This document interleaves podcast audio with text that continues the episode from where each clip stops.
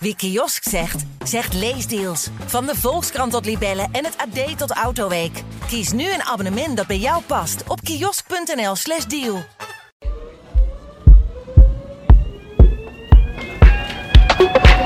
De Moscow Times verhuisde de redactie dit jaar noodgedwongen van Moskou naar Amsterdam, omdat het door de Russische oorlog in Oekraïne te gevaarlijk werd om te blijven.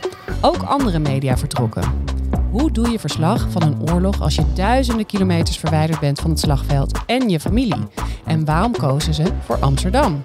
In Amsterdam Wereldstad, een podcast van het Parool, bespreken we een Amsterdams fenomeen en geven we antwoord op de vraag: hoe zit het eigenlijk? Mijn naam is Lorianne van Gelder. Welkom. Fijn dat je weer luistert naar Amsterdam Wereldstad. En we gaan het vandaag hebben over de komst van Russische media naar Amsterdam. En dat doe ik samen met mijn gasten paroolverslaggever Hanneloes Pen, welkom. En Dirk Sauer, oprichter van de Moscow Times en de langst schrijvende columnist bij het Parool. Mag ook wel eens gezegd. Welkom beiden. Welkom Dirk. Welkom Hanneloes. Hallo. Dankjewel. Dirk, om meteen ja, misschien met een beladen vraag te beginnen. Hoe is het voor jou om hier te zijn nadat jij ja, meer dan 30 jaar in, uh, in Moskou hebt gewoond? Ja, voor een geboren en getogen Amsterdammer is het misschien gek om te zeggen dat ik hier liever niet ben. Ja. Uh, ik ben natuurlijk veel liever in Moskou. Hè, dit is echt een noodgedwongen verblijf. We hebben natuurlijk de afgelopen 30 jaar in, uh, wonen we al in, in Moskou. En zijn helemaal vergroeid met, met dat land en met die stad. Dus je bent, bent hier eigenlijk liever niet. Je was liever daar gebleven. Ja, absoluut. Ja, ja, ja, En wanneer besefte je dat je weg moest uit Rusland? Uh, dat was al vrij snel nadat de oorlog begon. Op 24 februari hè, uh, vond de invasie plaats. Ehm, en in de dagen daarna werd al heel erg duidelijk dat Poetin all-out zou gaan. niet alleen met het aanvallen van Oekraïne, maar ook met het onderdrukken van van alle vormen van niet alleen protest, maar ook gewoon objectieve informatie. Ja. En er werd de ene uh, wet naar de andere in no time doorgevoerd die het strafbaar maakte om het bijvoorbeeld het een oorlog te noemen. Of überhaupt uh, objectief te schrijven. En de druppel was een, een wet die 15 jaar gevangenisstraf aan journalisten kon uitdelen. Die die eerlijk over die oorlog schreef. Zijn toen ook al een aantal journalisten gearresteerd. En dat was ook het, teken voor alle onafhankelijke journalisten eigenlijk om, uh, om de koffers te pakken. Ja, om elders uh, wel veilig verslag te kunnen doen. En nou ja, om, om nog heel even de context uh, te schetsen. Jij hebt in Rusland uh, een aantal kranten en tijdschriften opgericht. Je bent mediaondernemer. Je bent inmiddels ook weer eigenaar van de Moscow Times. Kun je even schetsen hoe, hoe, hoe, dat destijds ging? Waarom ging je in Rusland die media opzetten? Ja, heel veel in het leven is gewoon toeval. In 1989 werkte ik voor Nieuwe Revue in Amsterdam op de Stadhouderskade bij de geïllustreerde pers. En uh, daar verscheen ineens een, uh, een clubje Russische uh, journalisten, althans dat zeiden ze dat ze journalisten waren. Ze waren lid van de journalistenbond van, van Rusland. en het was net de val van de muur, Gorbachev, de wereldlijk ja, een geweldig goede kant op te gaan natuurlijk. Super het was tijd. spannende tijd en eh, dat wereldrijk, dat, dat begon af te brokkelen. Af te brokkelen. Um, en die zeiden, ja, je moet naar Moskou komen. En uh, ja, het leek mij gewoon machtig interessant. En ik was uh, acht jaar of zo hoofdredacteur van Nieuwe Revue, dus ik was toevallig ook iets toe aan iets nieuws. En ik denk, ja, why not? Het was op een leeftijd dat je nog één keer zo'n zo'n avontuur aan kon gaan. En we hadden een, uh, een baby uh, van, van zeven, acht maanden. En we dachten, voordat hij naar de kleuterschool gaat, hebben we nog een paar jaar om naar Moskou te gaan. En dat liep een beetje uit de hand. En de rest is geschiedenis. Toen bleef je daar. Toen ben je van alles begonnen, waaronder de Moscow Times. Ja. Een onafhankelijke Russische inmiddels ook online krant.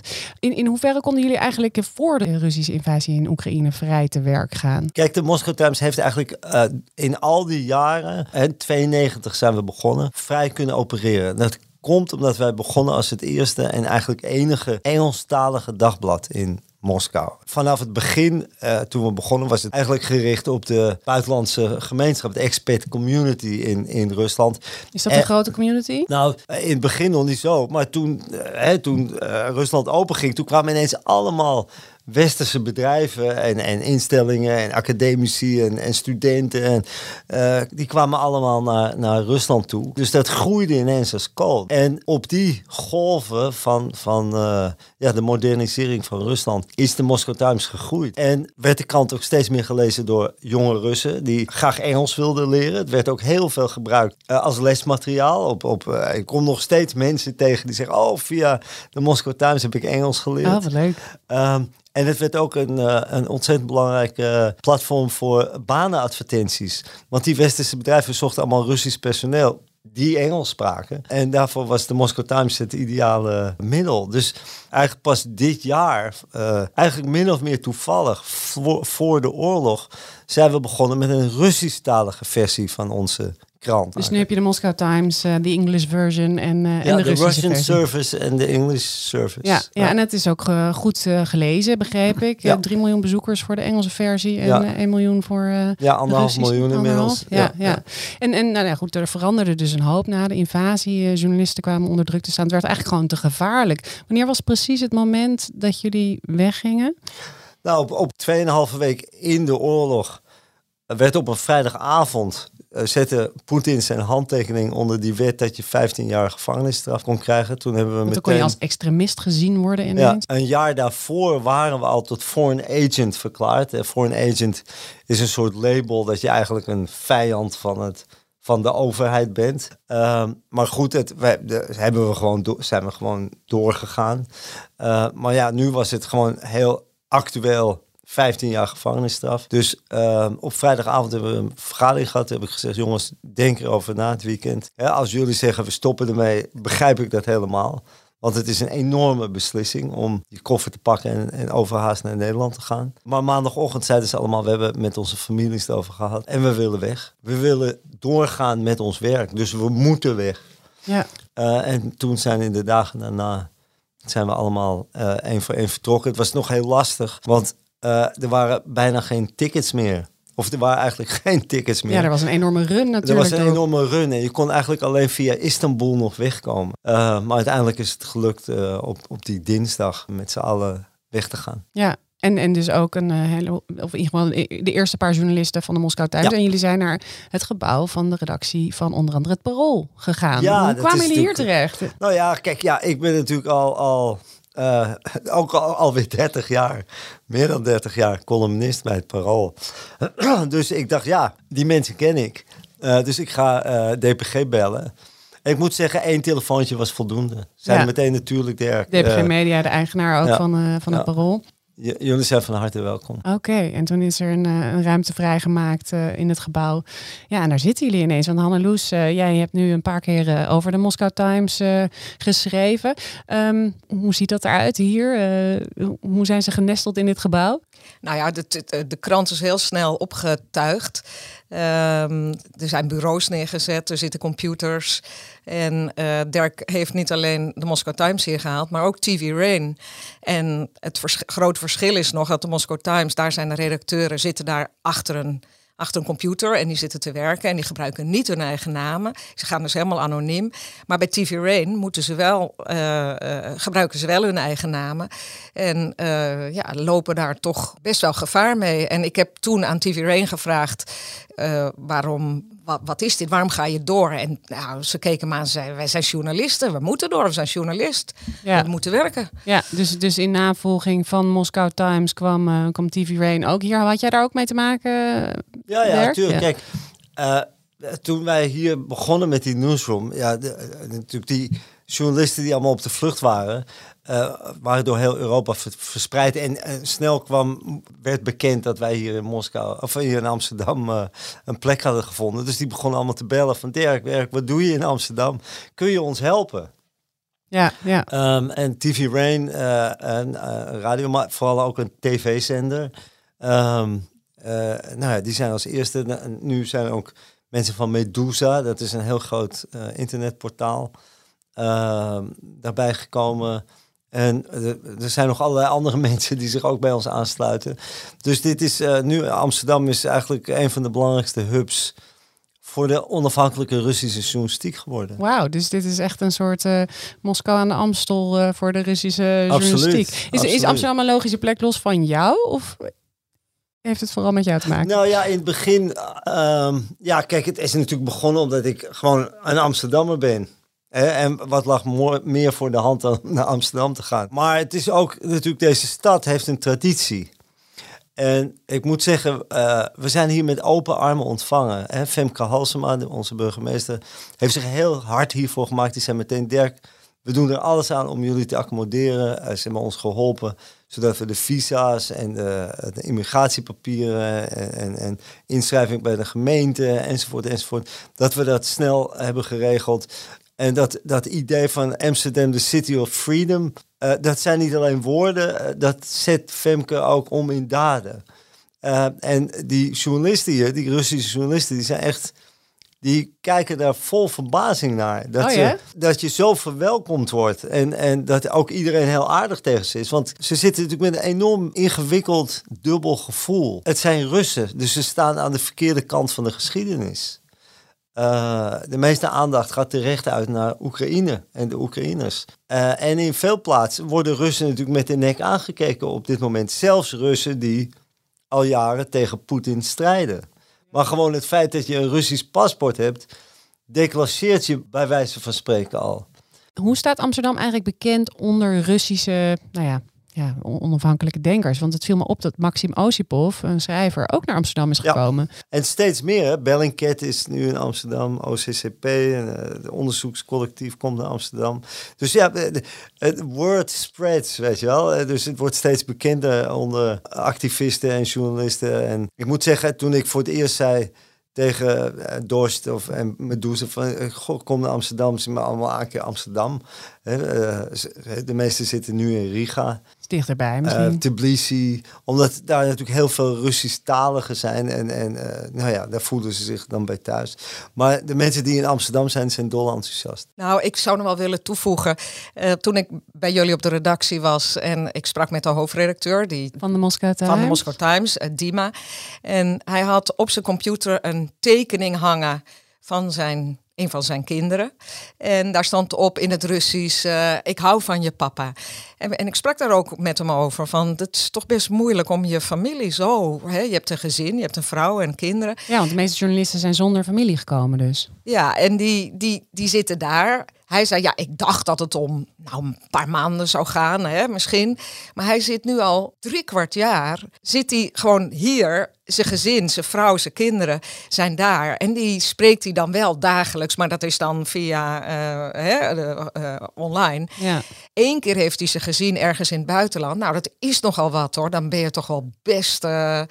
Uh, uh, met je vak bezig. Ik vind dat wel bewonderenswaardig ja, dat ze dat zeggen. zo doen. Ja, ja. ja, dat zijn toch collega's die, die in een heel andere situatie uh, verslag moeten doen. En um, ja, jij sprak dus die hoofdredacteur. Wat, wat waren nog meer opmerkelijke dingen die hij, hij deelde van, van hoe zij hun werk doen? Ja, nou, zijn, hij zegt ja, het is best erg. We hebben geen oren en ogen meer in, in Rusland. Dus wij moeten helemaal, zeg maar, undercover werken. Dat betekent dat ze niet kunnen zeggen zoals wij van, ja, wij zijn journalisten wij zijn van het parool en je gaat informeren. Dat kan niet meer. Dus ze kunnen wel op reportage gaan. Maar ze moeten dus bronnen zoeken die met ze praten. En hij noemde als voorbeeld, uh, had hij het over dus Russische soldaten die, die, die weg willen. Want die, die worden op pad gestuurd nu met heel weinig uitrusting. En, en ja, ze moeten het allemaal maar zelf zien te redden.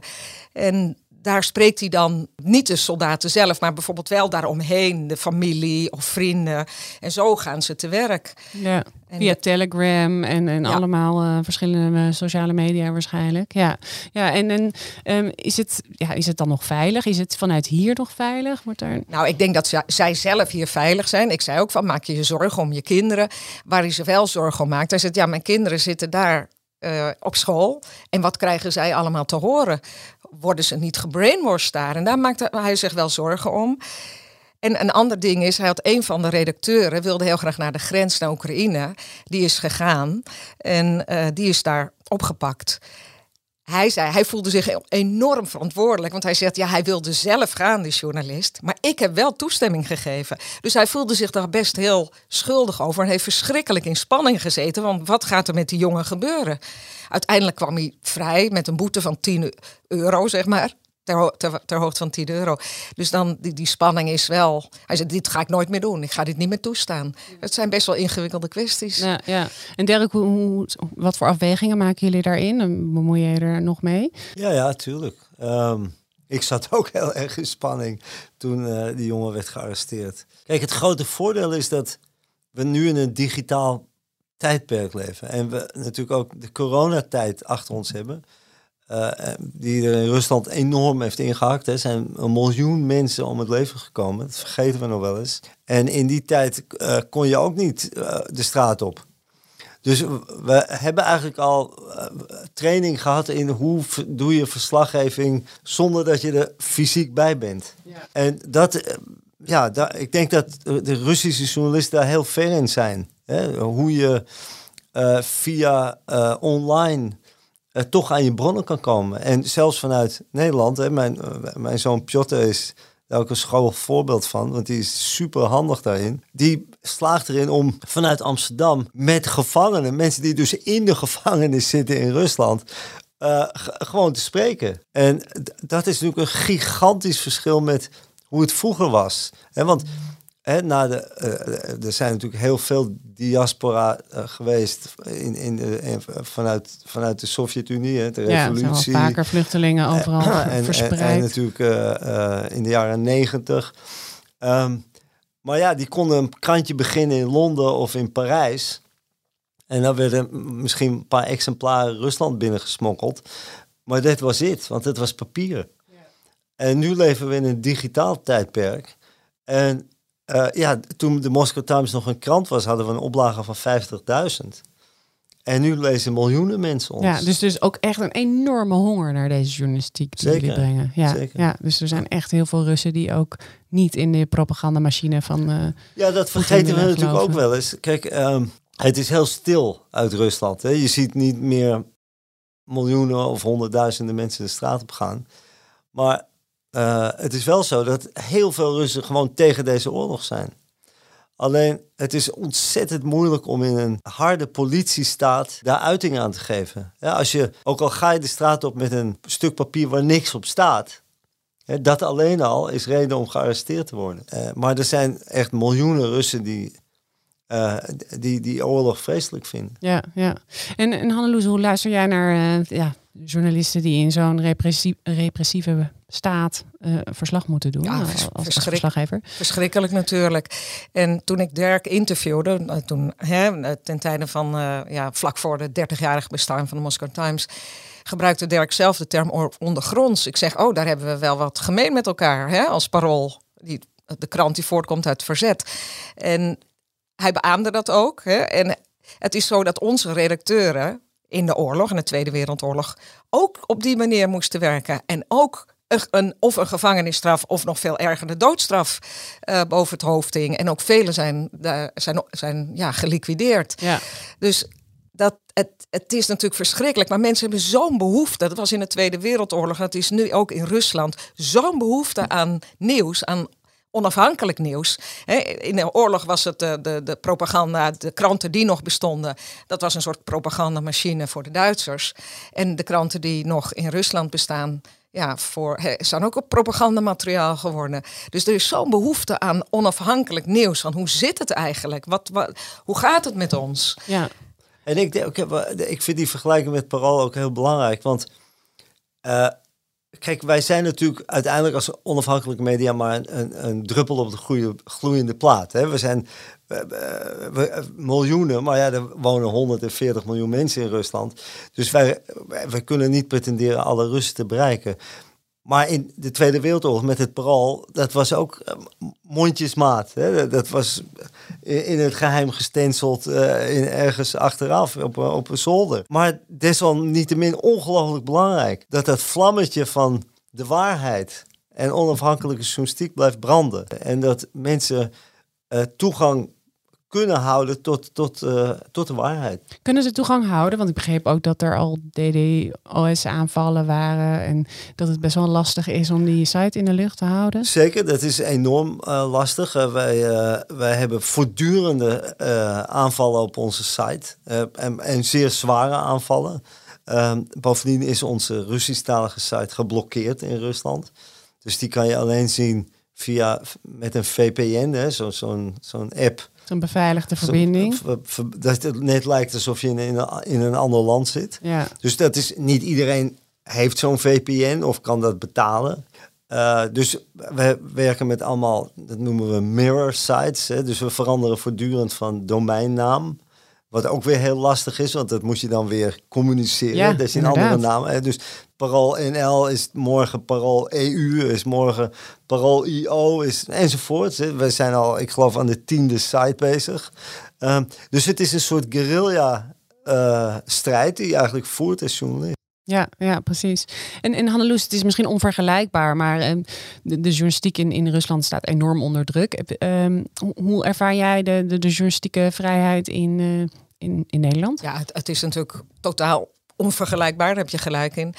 Maar wat je hier ziet nu als journalist, en ik werk ruim 30 jaar voor het Parool, dat wij hier ook wel een klein beetje, maar nogmaals onvergelijkbaar, onder druk uh, staan. De mensen, als je, als je op straat bent, dan uh, ja, willen mensen of niet met je praten, of ze roepen fake news, of je bent hier alleen maar voor de sensatie. er was een schietpartij in, op Trokin en daar, daar moest ik naartoe. Ik had dienst en daar was een terras en er zaten allemaal mensen. Dus ik sprak een jongen, want die had het gezien. En zijn vriendin zat gewoon de hele tijd nee te schudden van nee, nee, niet praten, niet praten. De jongen ging gelukkig gewoon door. Maar je ziet het ook bijvoorbeeld als mensen je een interview geven. Vijf, ruim 25 jaar geleden las niemand het stuk. Je schreef het op. Je, je had het, uh, er was toch wel een soort aanzien, een soort respect. Nu wil iedereen zijn stuk lezen. Er wordt druk op je uitgeoefend. Wil je die zin veranderen? Wil je dit even anders zeggen? Dit klinkt niet zo leuk. Er is wantrouwen. Er is, ja, er is wantrouwen, er is angst. Uh, maar ze proberen ook allemaal heel goed uh, eruit te komen. En ze proberen echt je stuk uh, te veranderen. En toevallig, ik heb gisteren gekeken naar een, eh, als ik dat mag zeggen, een, onderzoek van uh, Persveilig onder vrouwelijke journalisten, een kleine 300. Als je ziet dat 82% te maken heeft gehad met agressie, met fysiek geweld, met bedreigingen. Een groot deel is online, Twitter, Facebook, maar het gaat ook om agressie op straat. dus ik dat, je ziet het wel. Maar nogmaals, het is totaal onvergelijkbaar. Ik begrijp het, ja. En, en dan nog even terug naar die, die Moscow Times. Want, uh, nee, ik, ik, wil, ja? mag oh, ik hier ook nog wat over zeggen? Ja. Nou ja, het is ook wel belangrijk om ons te realiseren dat Rusland dit ook aan, helpt aan te jagen. Hè? Met, dus, zeggen, het, het, wantrouwen. het wantrouwen en het verspreiden van fake news. Het is natuurlijk dat uh, die trollenfabrieken die vanuit Moskou en Petersburg opereren, die pikken dit op. En ja. die die maken dit groter. Die pikken het sentiment op en blazen het op, zeg precies, maar. Precies, Dus ja, dit, is, dit soort dingen, dit hele idee van, van dat fake news, dat, dat wordt enorm gepropageerd vanuit Rusland. Merken jullie dat ook op andere vlakken dan? Dat, dat, er nog uh, ja, wordt getrold, uh, los van de DDoS-aanvallen? Natuurlijk. wordt, uh, zodra ze ook maar iets denken te hebben van... we kunnen onafhankelijke media zwart maken, dan, zullen, dan doen ze dat. Ze schrijven ook heel vaak over, over mij bijvoorbeeld in, in Russische trolls en, en, oh ja, media. Persoonlijke aanvallen. Ja, ze, ze, proberen natuurlijk alles te doen om, om onze geloofwaardigheid te ondermijnen. Ja, ja precies. En, en, en nou ja, de Moscow Times, die jullie hopen dus dat dit tijdelijk blijft, neem ik aan, om in, vanuit Amsterdam uh, te opereren. Ja, hoe, hoe kijk je er nu naar? Ik snap dat je niet een glazen bol hebt en kunt voorspellen wanneer de oorlog voorbij is. Maar denk je dat een, een terugkeer naar Moskou nog realistisch is? Nou ja, kijk, we, toen we hier kwamen, het was in maart toen waren we eigenlijk allemaal, ja, zaten we nog in de, in, in de mood van met kerst zijn we wel weer terug. Nou ja, dat is dus, gaat niet gebeuren. En dus Russen in exile, die klinken elk jaar op 31 december, heffen ze het glas volgend jaar in Moskou. Maar helaas uh, moeten we de eerlijkheid uh, gebieden zeggen dat dat hoogst twijfelachtig is. Ja, ja, precies. En ja, met welke scenario's hou je dan rekening?